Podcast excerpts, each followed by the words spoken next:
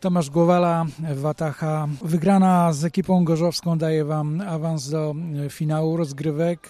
To jest na pewno Wasz wielki sukces. Mecz rozgrywany w tak świetnej atmosferze. Pewnie bardzo Was to zbudowało przed tym finałem. Teraz skupiamy się na finale. No na pewno przyłożymy się do tego. Rozpoczęliście to spotkanie z ekipą gorzowską od prowadzenia 14 do 0. Potem goście troszeczkę Was postraszyli jednak. Trochę złapali rytm, ale dokończyliśmy prowadzenie. Co Twoim zdaniem było kluczem do wygranej? Treningi, jakaś konsekwencja, na pewno skupienie. Był jakiś element, którym zaskoczyliście rywali? Może nowym ustawieniem, nową formacją, nowymi playami, nowymi zagrywkami. Oskar Sardyga, rozgrywający Gryzli z Gorzów. Nie udało się pokonać Watachy na jej boisku. Od początku przewaga gospodarzy. Zagrali świetny mecz, poprawili błędy, które popełniali w ostatnich meczach.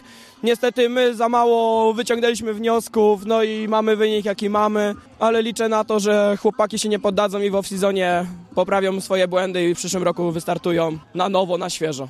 Najlepsza w waszym wykonaniu druga kwarta. Zobaczyliśmy jak grają, staraliśmy się zmieniać po to, i druga kwarta pokazała, że możemy coś podziałać. Niestety Patacha również poprawia swoje błędy i naprawili to. Niestety nie udało się nic więcej zgarnąć.